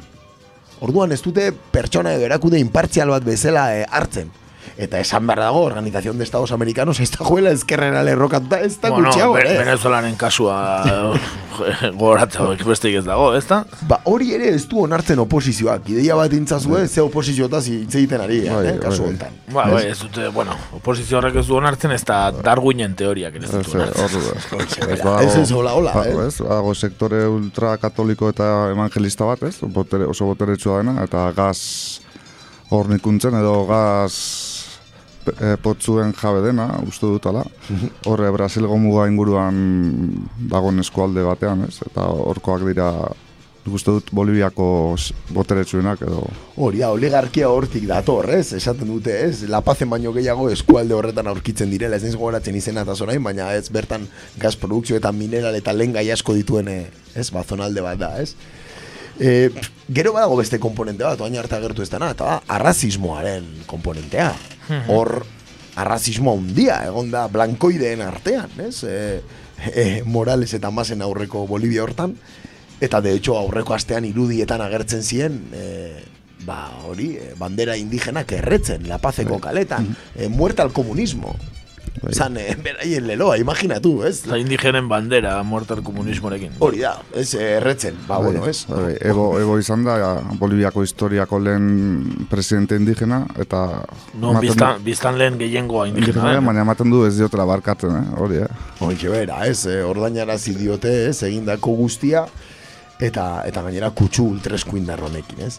Hor, ala ere, o, egia da, ez, ondori bat atea daikagula, ez, eta uste nahiko begi bistakoa dela, eta da, instituzio politikoak ez zeudela, ba, nahikoa konsolo, konsolidatuta, ez, oraindik, ez? Mhm. Ez dela, ez da Bai. golpea litzake gertauko, ez, tamalez. Bai, bai, agian estruktura militarra adibidez, ez, ez dute Ah, beste bai. indartu, ez, agian eh, Bai. beste inguruko herrialde batzuk gehiago jorratu dute estruktura militarra, agian milita, militarra zelako Hugo Chávez Venezuela eta zari naiz, ezta? Bai, agian- Ba, pixka gehiago indartuta, ba, gehiago saiesten duzu barneko estatu kolpe hori, ezta? Bai, baina agian zuk lehen aipatu ezun bezala, Bolivia bera estatuaren egitura nolako den ikusita zailagoa izango da. Ez, e, horrelako... Bai, Ebo berak onartzen zuen, eh, oin dela pare bat urte, ez, elkarrizketa batean, ez, pixkat, ba, amargarren urte horrena edo bete zanen, ez, e, ba, boterera iritsi zenetik eta esaten zuen, conseguir el gobierno es muy difícil, pero conseguir el poder es casi imposible, ez? Eta, eta, eta arrazoia zeukan, ez, honek demostratu du arrazoia zeukala, ez? Bai, bai, eta gaina izan da, golpe, estatu golpe bat, espres, ez da? Eh, benetan, eh, ez da, ez da Venezuelako eta bezala ez oso anuntziatua, eta oso nahiko azkar joan da, eh, nahiko... Azkar, de hecho, lehen komentatu egun moduan, eh, kolpisten buruzagia, el macho kamacho hau, oen dela bi hilabete inork, etzun ezagutzen bere eskualdetik, po. Oso kuriosoa da, ez? Etzan Juan Guaidoren adibidez perfil hori, ez? Presidente de la asamblea. Ez ezagutzen, inor, baina, bueno. Baina, bueno, ez, kargu publikoa atzeukan, ez? Esate bateako, ez? Ja, Bai, noto- bai, eh, Gainera, ambito nazionalean, ez? El macho kamachok hori ere atzeukan. Bai, Bai, bai. Bueno, eta aipatzearen ez, Bolsonaro eta beste kanpoko presidente batzuk ja alde egin dute, ez? Eta Esan ez, dut- Eu- Europar batasunak ere bai, ez? Baita ere, bai, baita ere. E, estatu kolpearen, de hecho, nozioa ez da ia inon agertu, inongo deklaraziotan. Eta, bueno, hau ez bali bada estatu kolpea, norbait etorri dadia gaur egurrea eta esplikatu ezala zer dan. Europar batasunak ere alde agertu da, ba- besteak beste EAJaren bozkenekin, eh? Bai, bai, bai, hola hola alde bozkatu zuten, eh, resoluzioaren alde. Resoluzioaren alde. Guzti honek, eh, barkatu aurreratzea, baino eh, sare sozialetako galdera ekarri digu burura. Eta orduan gaurkoan Boliviari buruz galdetuko dugu, eh, aipatu edo gogoratu aurreko astean galdetu genuela zer egin gote duen orain Albert Riberak, eta irabazi duena narko abokatua dela, izan daiteke Bolivian. Zaila sinistea, eh? hori atera izana. Bai, narko abokatu. Inorrek ez du bozkatu modelo, 0%. Ba, behitu, Inorrek ez du ikusten modelo modura. Ba, betxu dena erakutsi zuela bere garaian, eh? Bai, bai, eta hori kantorekin antzerkean bigarren, eta hori. Bueno, ba hori aipatuta, eh, hortxe utzita, eskerrik asko bozkatzeagatik entzuleok. Ba, gaurkan bo, Boliviari buruz, ea, ba, ikusita EAJak alde bozkatu duela Europan, eta Euskal Telebistan, bueno, krisis deitze zaiola, eta ez golpe de estado, ez da, eh, adibidez, eh. Venezuelan, Venezuelan eta irabiltzen dituzten hitz potoloak ez dituzte erabili hontan, ez da, Boliviarekin, han ez da egongo Euskal diasporarik eh, defenditzeko, ez da, Venezuelan bezala, eh? ba, pentsatu dugu ez eusko jaunaritzak zer esango duen, ba, kigulako, EAJ bozkatu duena ikusita gero, ze pentsatuko ote duen Confebaskek, ez? Ze iruditze zaio Confebask erakundeari Boliviako estatu kolpea, horrela galdetzen dugu, ea ze iruditze zaizuen, edo bikain, iruditze zaio, edo estabilitatea bermatzeko egindako kontua da, ez da? Ez zegoen estabilitatetik, Bolivian ez zegoen estabilitaterik edo haueltu litekeela iruditzen zaio konfeo aski oraindik eta gobernu liberalago bat jarriz. Puede mejorar, famatua. Eh? Puede mejorar, edo ez, konfeo askek dio gora ebo eta bera kapitala. Ez? Zein ote da, ez da? Ni laugarrenaren aldea nago, eh? nik uste erabat ade, eboren alde dagoela konfeo ask, ez da? E, ba hori bidaliko dugu, iruditzen bat zaizue, eh? Ja, estabilitatea bermatzeko den, edo hobetu liteken da liberalagoa, edo benetan bikain iruditzen zaion eh, gobernu ultrakatoliko evangelista, hau ezta? Bueno, hortxe da, eta Mercedes jarraitu behin parentesia hau egin eta gero. Hoxe, bera, ba, gauza gutxi gehiago esateko, ez? Kontuari buelta buelta bat eman diogula, ez? Ematen du. Beraz, bueno, adi egongo gera, ber zer gertatzen dan, Evo Moralesekin, Masaren proiektuarekin, eta batez ere, ja, ze gobernu mota, eratzen den Bolivian Eta azken. baita e, saiatu dira gaur ere Venezuelan eta baita, ez? E, pixat sua pizten ez? E, jarraitasuna izan dezan altxamentu horrek, eta bueno, haidea Juan, Juan Guaido eta bere jarraitzaileak, ez? Bai, hor, esatean bezala, una ekali otra arena, ez? Aurreko asteetan hitz egin genuen Txileren inguruan, ez? Bertan dagoen krisia hundiaren inguruan. Mhm. Ba, bueno, buelta badirudi Bolivian iritsi dela, ez? Horrela funtzionatzen dugu Amerikak. Aipatu eh, hori, eh? Ia, egin ditugun irratxaio guztietan nazioartean edo joan garela eh, edo... E- ekialde hurbilera? Ekialde hurbilera edo Ego Amerikara, eh? Ez dugu besterik egin. Ez dugu ez, besterik ez egin. digute utzi, ez digute utzi, egia esan, eh? Agendak ez digu utzi beste nunbaita jutea eta beste kontu batzu eta zitzeitea tamalez. Aipatu igual bukatzeagatik eh, editorialean eh, gure kideak aipatu digun moduan, ba nun geratu diren eh, ba orain 10 15 urte hor genituen Hugo Chávez, hor genuen eh, Lula da Silva, hor genuen Rafael Correa, Ecuadorren, hor, ez, hor, hemen hor genuen Evo Morales, agian bera izan da gehien iraunduena, ez? Hor genuen Fidel Castro, orain joan zen eta Raúl Castro egon zen gero eta hori ere ez dago ja. Bueno, bastante aldatu da Latinoamerikan panorama, eh? Bai, hor involuzio, ez, periodo batean gaudela ematen du, ez? Ia, ia ez dira esker kutsuko gobernuak gelditzen, ez? Eta gelditzen direnak, ez du, ez? Venezuela Ez du eta erabat mehatxatuta, gainera. bera, ez? E, beraz, hoxe, ba, tamalez pentsatzen eta urten berriro bueltatuko garela Ego Bai. Amerikara eta ez behin. Ez, ez, Txi- Txilekoa zabalik dago oraindik, Boliviako oraindik ikusteke dago, Venezuelan ere ozer gauza gertaliteke, Eta jarraian ere ez goaz oso urrutira, ala? bez, ez, egia esan, eh, Zentroamerikara goaz, ezta? Hori da. Bueno, abestitxo bat egingo dugu etentxo bat, eh, Zentroamerikara joan aurretik, eh? Bai, klasiko bat ekarri dugu gaur kontan, eh? Txiletarrak baziren ere, ba, bueno, ez, eh, esan duguna, ez, Txilen eta Bolivian gertatutakoen inguruan, Kilapayun, talde handiaren abesti bat ekarri dugu, klasiko bat, el pueblo unido jamás será vencido. Zertarako esan gehiago. El pueblo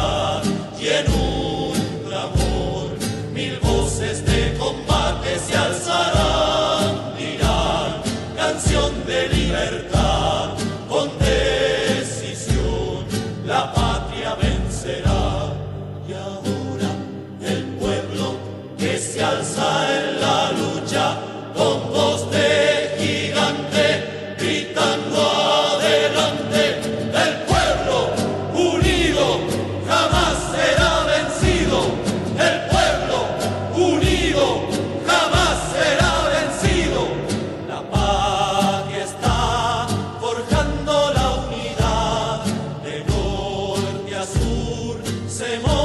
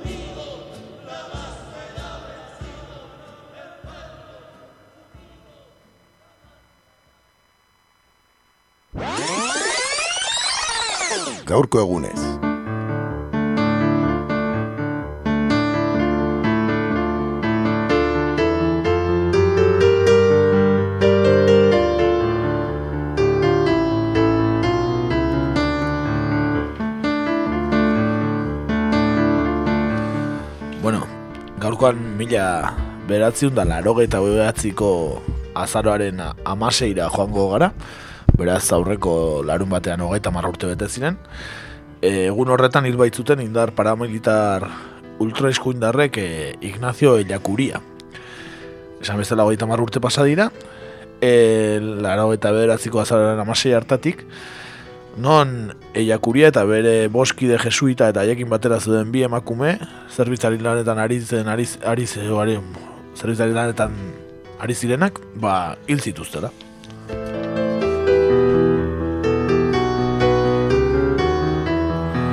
Gogora ezagun pixkat zeintzen Ignacio Ellacuria.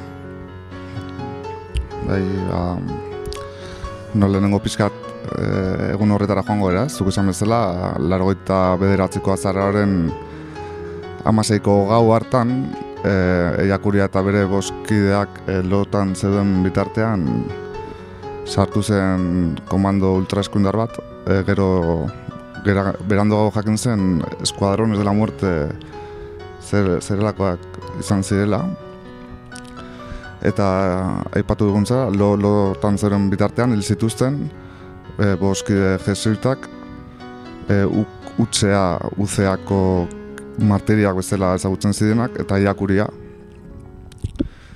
E, eta beraiekin batera lotan zen e, bi zentzaileak ere.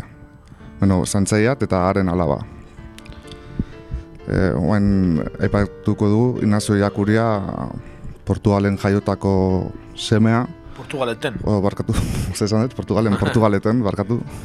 Mila behatzeren da hogeita marreko azaroan. Eta El Salvadorren, San Salvadorren hil zen laro behatziko azaroan. Jesuita, filosofo eta teologoa izan zen, azkapenaren teologiaren ekintzaierek handienetakoa. E, ja, pizkat e, bere bizitzan sartuko gera, Mila bederatzen da berrogeita zazpian, ama urte zituela, Jesusen lagundian sartu zen Loyolan, eta urte bat geroago berrogeita sortzian El Salvadorko nobiziatura bidalu zuten.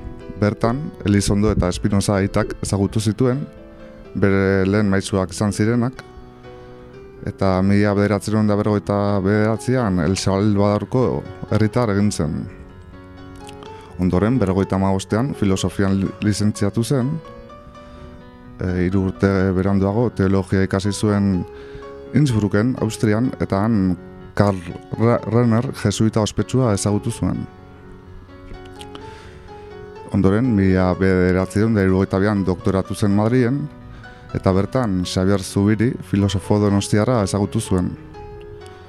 E, bere ikaslea izan zen, eta haren lanetan oinarritu zuen bere pentsamoldea hein handi batean.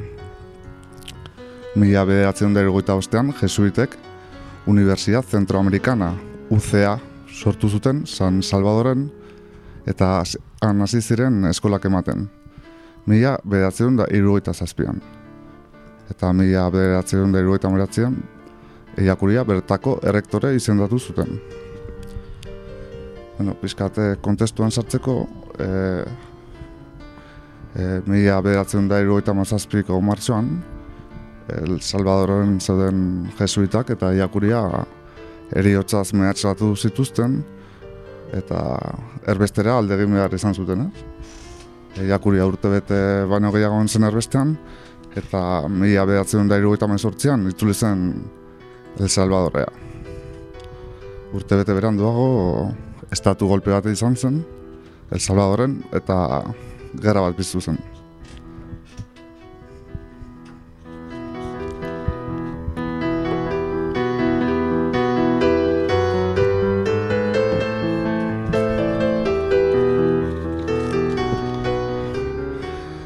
Gerrako urte haietan, askapenaren teologiaren aitzindereateko bat izan zen iakuria, eta Ego Amerikako, Elizako eta Jesusen lagundiko kide batzuekin batera, ba hori, askapenaren teologia sortu zuten, eta bitertarkeritza lan asko egin zuten El Salvadorko nazioa paketzeko.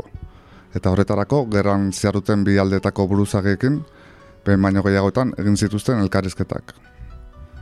Armadako hainbat kidek eta eskuin muturreko zibiek ez zuten begionez ikusten eiakuriaren politika aurrerakoia, kontuan izanik gainera bere ikasleen artetik irtenak zirela garai hartan FMLN edo Frente Farabundo Martí para la Liberación Nacional erakunde armatuko buruzagi batzuk.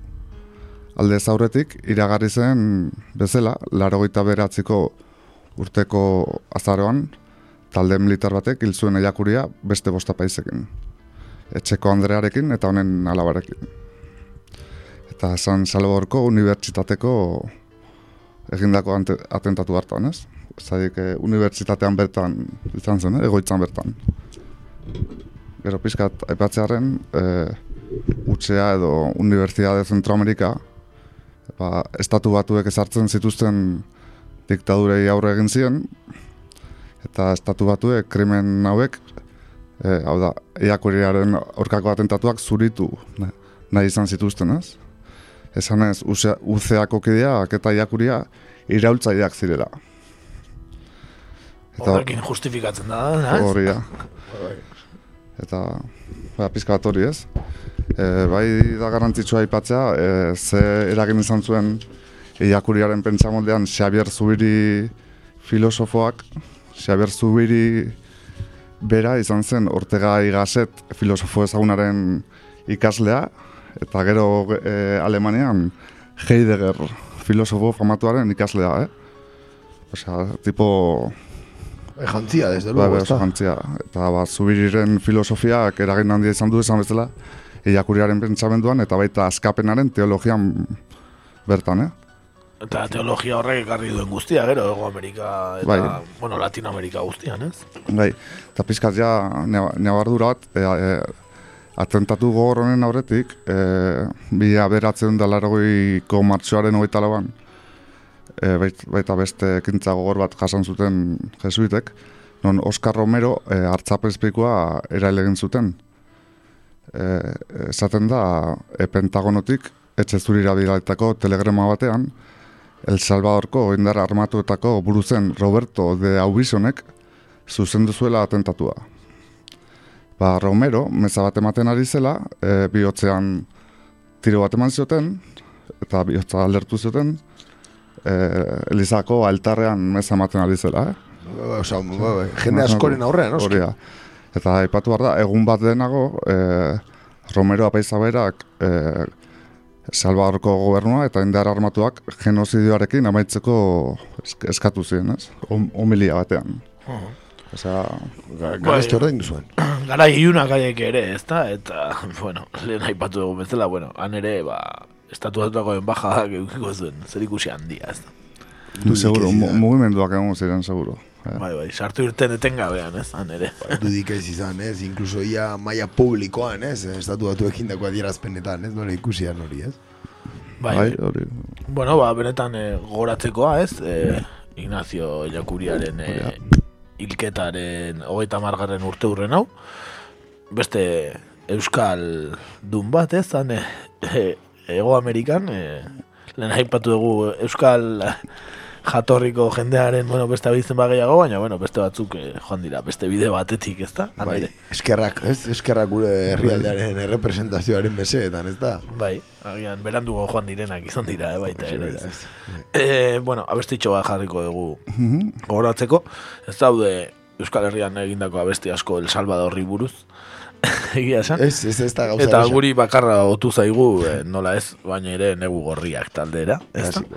Eta beraien eh, abesti oso oso dantzagarria den eh, txakito, ez da? Bera, bertan, ba, hori, Salvadorreko kontuetaz ari bai da, Farabundo Marti fronteaz, eh, eta abar, beraz, ba, dantza pixkat egingo dugu txakitorekin. Maiatzaren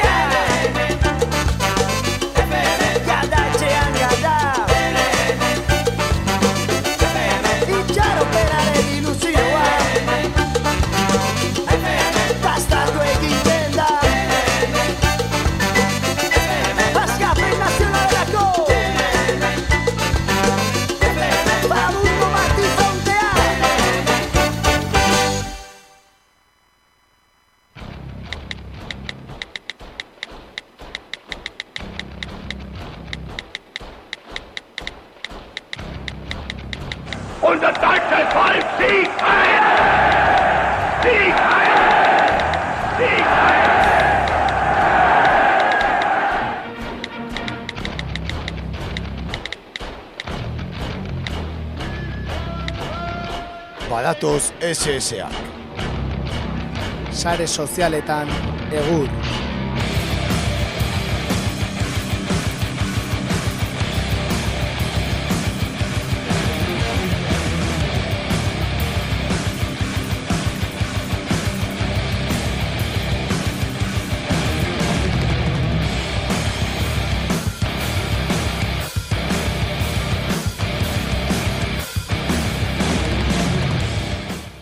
Hainbeste albiste txar eta gero, e, albiste on bat ekarri beharra daukagu, eh?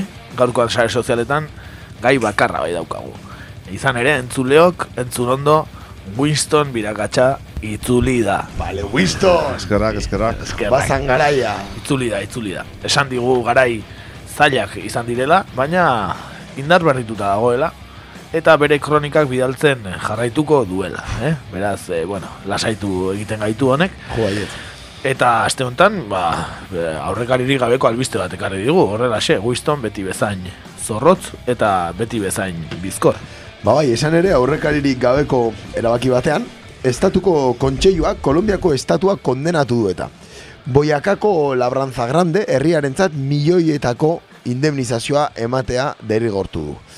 Erabaki honen arabera, Labranza Grande, herri osoa, gerrilaren kolaboratzaile zenaren estigmatizazioa zabaltzea, estatuaren ardura izan dela, dio estatu kontseiluak, e, bueno, honena Winston birakatxapa bere entzute izango dara. Bai, benetan eh, bere hau entzuteko gogo handia baita daukagu. Entzun dezagun. Aurrera.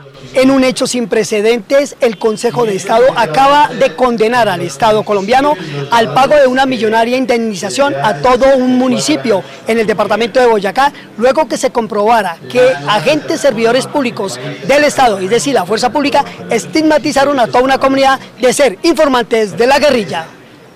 Según el magistrado Ramiro Pasos, consejero de Estado, ningún servidor público puede poner en riesgo la vida de un civil a través de señalamientos o la estigmatización. en donde toda una población labranza grande estaba estigmatizada de ser auxiliadora o colaboradora de la guerrilla.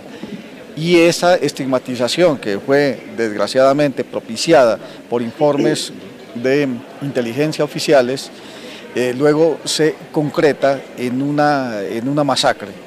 El ponente del fallo aseguró que por primera vez en Colombia el Estado tiene una clara responsabilidad patrimonial luego del señalamiento de varias personas como auxiliadores de grupos armados ilegales en el departamento de Boyacá. Y en consecuencia aquí lo relevante y de otros muchos casos fue que la estigmatización, el, se- el señalamiento condujo a legitimar una acción violenta contra estas eh, personas que indudablemente pues era una clara violación de los derechos humanos en donde se condena en responsabilidad del Estado. Por primera vez se hace explícito que la estigmatización de una comunidad o de, puede ser de una eh, persona individual si es eh, propiciada por el Estado y produce daños, indudablemente tiende a que se fundamente la- una clara responsabilidad patrimonial del Estado.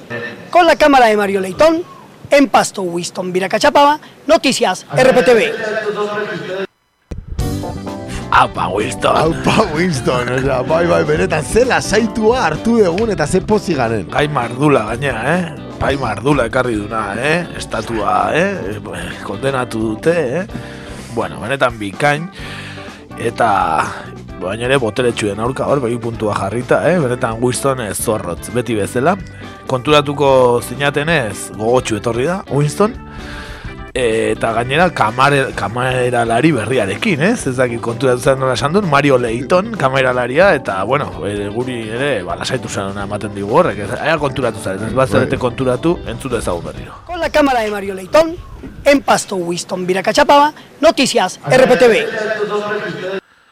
Eh, entzute zu, eh? Mario Leighton. Ba, ba, ja, ez hau bakarri gainea, eh? Hori da, hori da, hori asko lasaitze gaitu, eh? Eta bi pertsona dira reporterio ekipoa zaintzeko ere. Hori da, eta importantea kontu- enteratu gara gaina Mario, que kamera bikain manejatzeaz gain, ba, pertsonen segurtasuna bermatzeko kurtso desberdinak eginda dauzkala. Ah, amigo, vale. O, Beraz. o interesantea benetan, eh? Bai, Bere Mario Leighton ni ere besarka handi bat.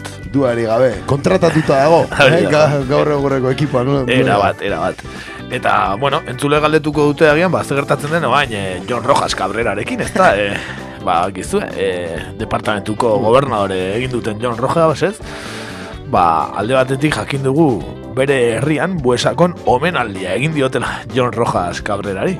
Ba bai, albistaren arabera milaka buesakenok omenaldi sentitua. Antolatu zioten John Rojas Cabrera diputatu nagusia aukeratu berriari, Suhiltzaien ibilgailuaren gainean desfilatu zuten, Rojas Cabrera eta bere emazteak. Atzetik koreografia bat dantzatzen zuten kideak eta herriko musika banda zioa zen. Desfilea herriko polikiroldeian amaitu zen eta bertan mesa santua ospatu zuen herriko apaizak Juan Carlos Moralesek Besteak beste, Berner Zambrano, Teresa Enriquez eta Gilberto Betancourt, senatariak ere bertan izan ziren, beraz, pompa handiko ekitaldia izan da. Bai, bai, benetan omenaldi berezia, eh? Joan Rojas Cabrera egin diutena, eh? Desfile eta guzti.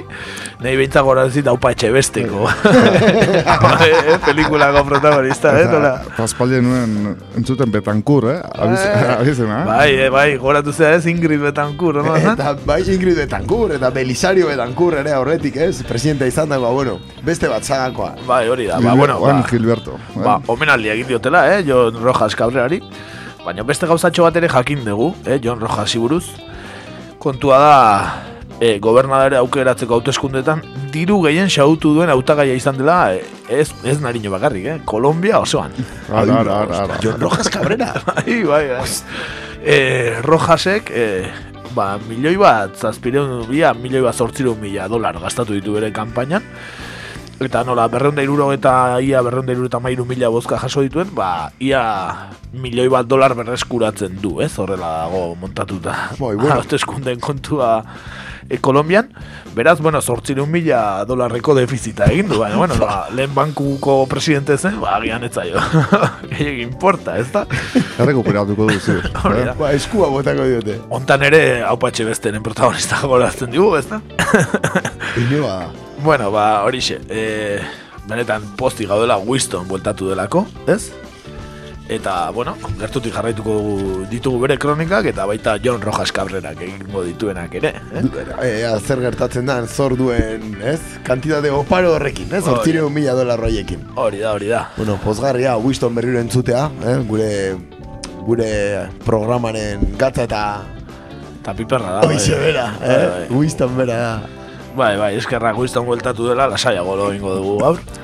Eta, bueno, e, amaitzeko, ba, bestitxo bat ekarri dugu. E, sorpresa bat, izan ere aurreko ostegunean e, kakaintzonako denboraldi berriaren parrila aurkeztu zen gaztetxean. Bi kontzertu egon behar ziren eta azkenan biak e, bertan bera geratu ziren, e, batzuk gazpeitiko delient eta besteak e, Rusiat izeto zen Hars. Bueno, ba, Rusiat izeto zen Hars orain da zuzenean gaztetxean jotzen jakin dezazuen denok eta gu ezin gizara bertan egon, tamalez. Bueno, ba e, parrilaren aurkezpenan irratsaio bakoitzaren bertso bat egin zuen jendeak bakoitzaren bat eta gaur egurrentzat e, bat egin zuten, baina bertsoa ez. Trap abesti bat egin ziguten sokaren itzalako kideek benetan trap bikaina. Beraz abesti hori ekarri dugu ba, primizian entzun dezazuen entzuleok.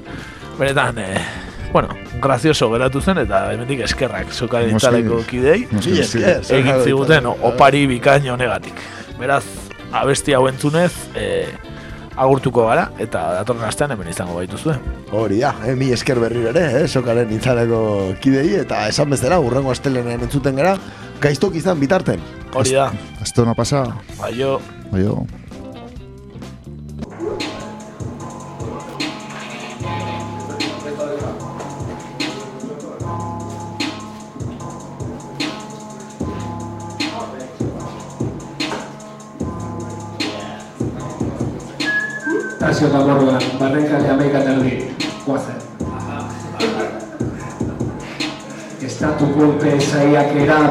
Venezuela, Eusko desalkartasuna, Ruandako jangoziaren hogeita bosgarren urte hurrena, EAJaren ustelkeria, Eliza eta pederastia, Irango irakuntza islamikoaren berrogei garren urte hurrena.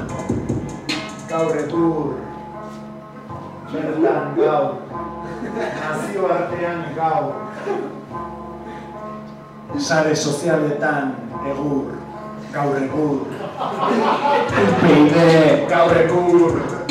Bolsonaro kontra evangelista gaur egur. Kamakas auziaren epaia gaur egur. Santiago Abascal maskota gaur egur. Urkullu izar robot. Urkullu izar robot.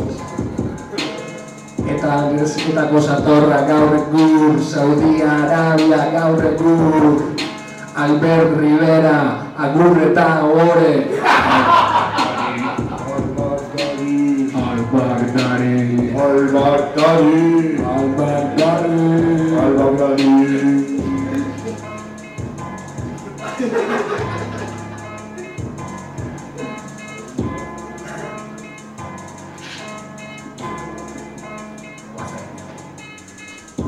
Teoria konspiranoiko bat daukeu Miguel López de Legazpi bizi da Boste urte ditu, narrastiarra da Herrian bizi da, kamuflatuta.